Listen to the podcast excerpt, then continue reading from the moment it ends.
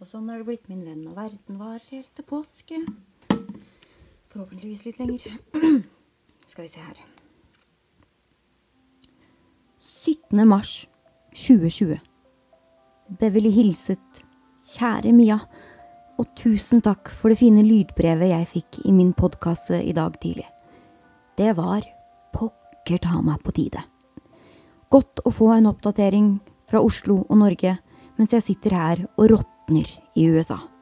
Men du har selvfølgelig helt rett. Vi har levd med dommedagsfrykt her i USA vi siden forrige presidentvalg, så vi skal vel kunne komme oss gjennom den perioden her også uten å få fullstendig panikkangst. Men man begynner jo litt å lure når man drar på dagligvarebutikken og ser at det har vært kø på utsida siden klokka fire på natten, og det de kommer ut med, er vann og dasspapir. Og én ting er at Hollywood er kjent for de mest idiotiske dietter, men det får da være grenser. Men det har faktisk blitt så ille, altså, at på morgenkvisten så har butikkene åpent i to timer kun for de eldre og de som er i risikogruppene, sånn at de er sikra å få med seg det de trenger. En annen kø som er bekymringsverdig, er den som har begynt å forme seg på utsida våpenbutikkene her i USA. Og det er klart man begynner jo å stusse litt over menneskeligheten når det blir satt inn regler for når de eldre kan handle, men ikke for hvem som kan kjøpe våpen. Så for meg personlig så er vel ikke sykdommen det som skremmer meg mest. Men jeg vet hvor farlig det kan være for de som er i risikogruppene. Så derfor så gjør jeg det jeg blir fortalt. Jeg holder meg inne. Jeg vasker hender. Nikker og smiler i stedet for å gi klemmer. Ok, jeg skal ikke lage et helt dikt her, men det jeg er mest redd for nå, da, det er det som kommer etterpå. For her i USA lever jo veldig mange fra paycheck til paycheck. Hvilket betyr fra lønning til lønning, og det er jo mange som gjør det. Men det her er for de som er såpass utsatt at de ikke har en eneste dollar ekstra. Og hva skjer med de når de ikke lenger kan jobbe? Og ikke bare i en dag, men i flere uker. De får ikke betalt regningene sine. De får ikke betalt husleiene sine.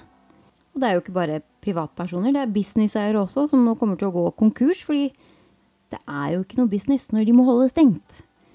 Så jeg gruer meg litt for å se hvordan økonomien her i USA takler en trøkk 16 fra covid-19. Men, men. Vi får ta en dag av gangen. Jeg holder motet oppe. Jeg har jo tross alt ikke vært inne så lenge enda. Og prøver å få litt frisk luft i ny og ne. Det er en positiv ting, da.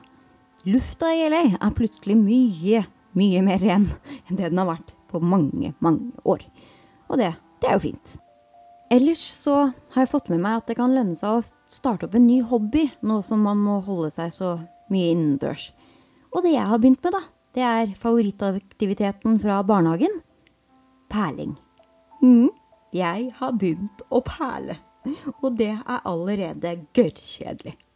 Men nå har jeg jo brukt 40 dollar på perler fra Amazon, så nå har jeg jo fader ikke noe valg. Men jeg vil også veldig gjerne spørre deg.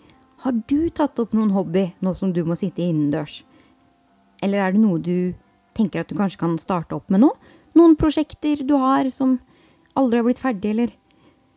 Jeg trenger inspirasjon. Jeg gleder meg til å høre fra deg igjen, min venn. Overlev vel. Beverly hilsen Ine i LA.